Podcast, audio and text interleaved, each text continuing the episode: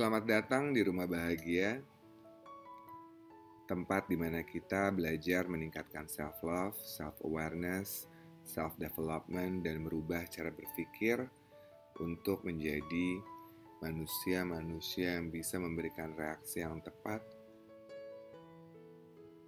untuk setiap keadaan dan kondisi yang kita hadapi.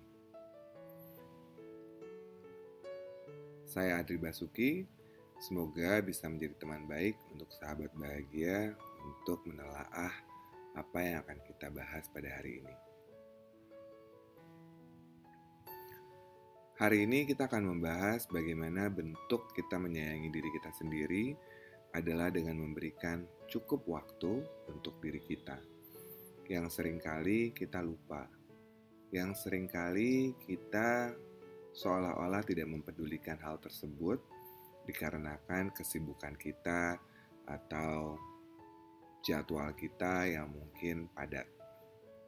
Saya yakin sekali sahabat bahagia pasti punya begitu banyak acara, begitu banyak agenda dalam satu hari yang membuat terkadang rasanya 24 jam dalam satu minggu atau 24 jam dalam sehari rasanya tidak cukup.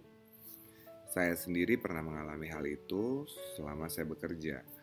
Jadi menurut saya begitu banyak pekerjaan yang harus dilakukan sehingga rasanya 24 jam satu hari itu menjadi tidak cukup dan membuat istirahat menjadi kurang. Kemudian kalau bangun tidur itu langsung bangkit, mandi, kemudian siap-siap berangkat ke kantor, dan dalam perjalanan ke kantor pun kita sudah disibukkan dengan berbagai aktivitas kita yang biasanya dilakukan di telepon genggam kita.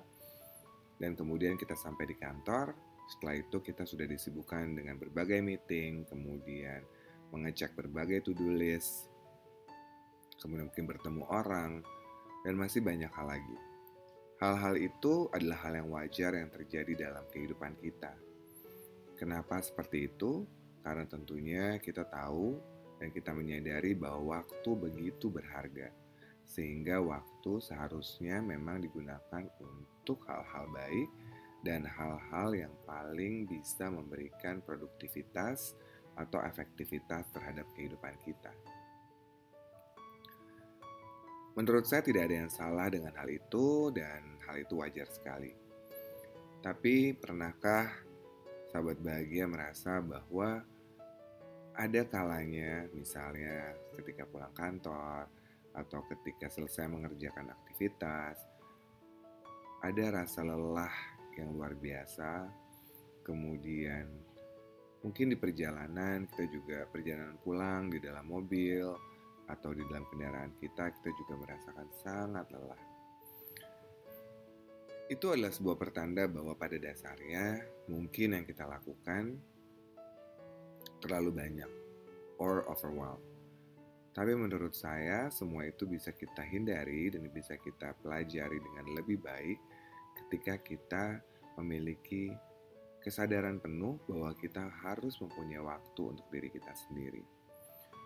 Maksud saya waktu untuk diri kita sendiri adalah benar-benar menyadari kita memiliki waktu untuk berdiskusi dengan diri kita sendiri, untuk berpikir dengan tenang tanpa diganggu apa pun, kemudian untuk mensyukuri hidup, untuk mengetahui apa saja harus kita rubah dalam hidup kita, untuk menyentuh kalbu kita yang mungkin selama ini kerap ditinggalkan karena kesibukan kita. Untuk saya 10-20 menit sehari, baik itu sebelum tidur maupun di pagi hari, sahabat bahagia bisa pilih mana yang lebih memungkinkan dan lebih mudah, itu adalah penting.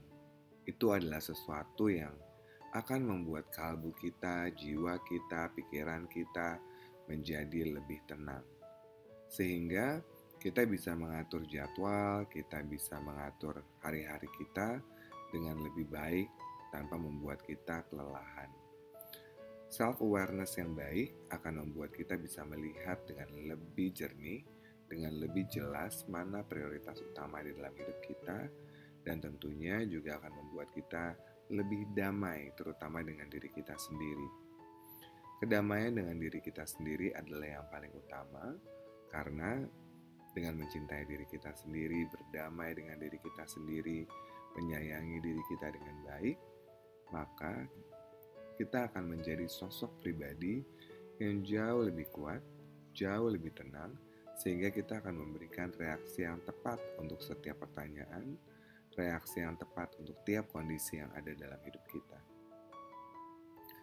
Itu yang menurut saya sangat penting, dan itu yang selalu saya lakukan, sehingga hal itu menjadi sebuah kenikmatan ketika bangun tidur karena kita sudah beristirahat dengan cukup bangun tidur kita ambil teh atau kopi kemudian duduk kemudian mulai berpikir tentang hari ini dimulailah dengan mensyukuri apa pun yang kita punya kita bersyukur masih diberikan nafas kita bersyukur masih memiliki orang-orang yang kita cintai yang ada di sekeliling kita. Kita bersyukur atas rumah kita, kita bersyukur atas udara yang masih bisa kita rasakan sehingga kita masih bisa bernafas. Kita mensyukuri semua rezeki yang ada dalam hidup kita. Kita mensyukuri semua panca indera kita. Kita mensyukuri kesehatan yang diberikan Tuhan kepada kita. Dan kita mensyukuri bahwa kita masih diberikan kekuatan untuk berpikir mengenai apa yang harus kita lakukan di hari ini. Proses bersyukur menjadi sangat indah karena proses bersyukur akan membuat energi, rasa, jiwa kita menjadi jauh lebih baik. Energi yang baik akan mengundang hal-hal baik juga dalam kehidupan kita. Sehingga di 10-20 menit tersebut akan menjadi sangat krusial atau sangat penting karena di saat itulah kita berusaha mendekatkan diri dengan Tuhan, mendekatkan diri dengan diri kita sendiri, dan dengan bersyukur adalah sebuah metode atau sebuah cara yang tidak sulit dan di saat itulah kita benar-benar dekat dengan diri kita. Itu metode pertama yang bisa dilakukan adalah dengan bersyukur. Kemudian yang kedua adalah dengan sangat jujur berbicara pada diri kita sendiri. Apa kesalahan kita? Apa yang perlu diperbaiki? Apa yang harus kita benahi? Apa yang harus kita lanjutkan? Tanpa kita takut untuk dijudge atau dihakimi oleh siapa pun. Misalnya kita bercerita dengan orang lain, mungkin ada cara pandang yang berubah, atau ada rasa dihakimi. Tapi dengan sendiri, duduk sendiri, dengan kesadaran penuh, dengan ketenangan, dengan keyakinan bahwa Tuhan selalu akan ada untuk kita. Dan bagaimana kita bersatu dengan semesta, dengan alam semesta ini, kita akan lebih jujur, akan lebih ikhlas untuk melihat diri kita. Dan tentunya ketika kita menyadari hal-hal tersebut, itu akan membuat kita dapat menemukan jawaban demi jawaban untuk hal yang lebih baik. Karena saya yakin mungkin saja untuk sebuah kasus ya, misalnya kita tidak bisa di dalam sebuah pekerjaan, kita kadang-kadang harus memilih sesuatu yang tidak sesuai dengan keinginan kita. Mungkin karena kita harus menyelamatkan posisi di kantor, atau kita tidak ingin menyakiti pasangan kita. Itu boleh saja dilakukan tergantung situasi dan kondisi. Tapi di 10 menit paling berharga dalam hidup kita, jujurlah sejujur-jujurnya. Bukalah diri kita kepada diri kita, kepada jiwa kita, tentang apa pun yang kita rasakan, tentang apa yang harus kita perbaiki, dengan tentang apa yang harus kita benahi, dan pelan-pelan kita bisa melihat ke mana sebenarnya hidup kita akan melangkah. Dengan memiliki kesadaran penuh tersebut, kita akan merasa lebih damai. Karena kita sudah berbicara dengan diri kita, kita sudah menyapanya, kita sudah berterima kasih, dan kita menjadi lebih terang kita menjadi lebih jernih dalam berpikir, kita menjadi lebih tepat dalam melakukan sebuah tindakan, kita menjadi lebih bijaksana dalam bereaksi. Karena sebenarnya ketika kita berada dalam situasi yang cepat atau kondisi di mana segala sesuatunya terus-menerus berlangsung secara repetitif, terkadang kita akan bereaksi dengan cara yang agak berbeda atau cara yang mungkin kita akan sesali setelahnya.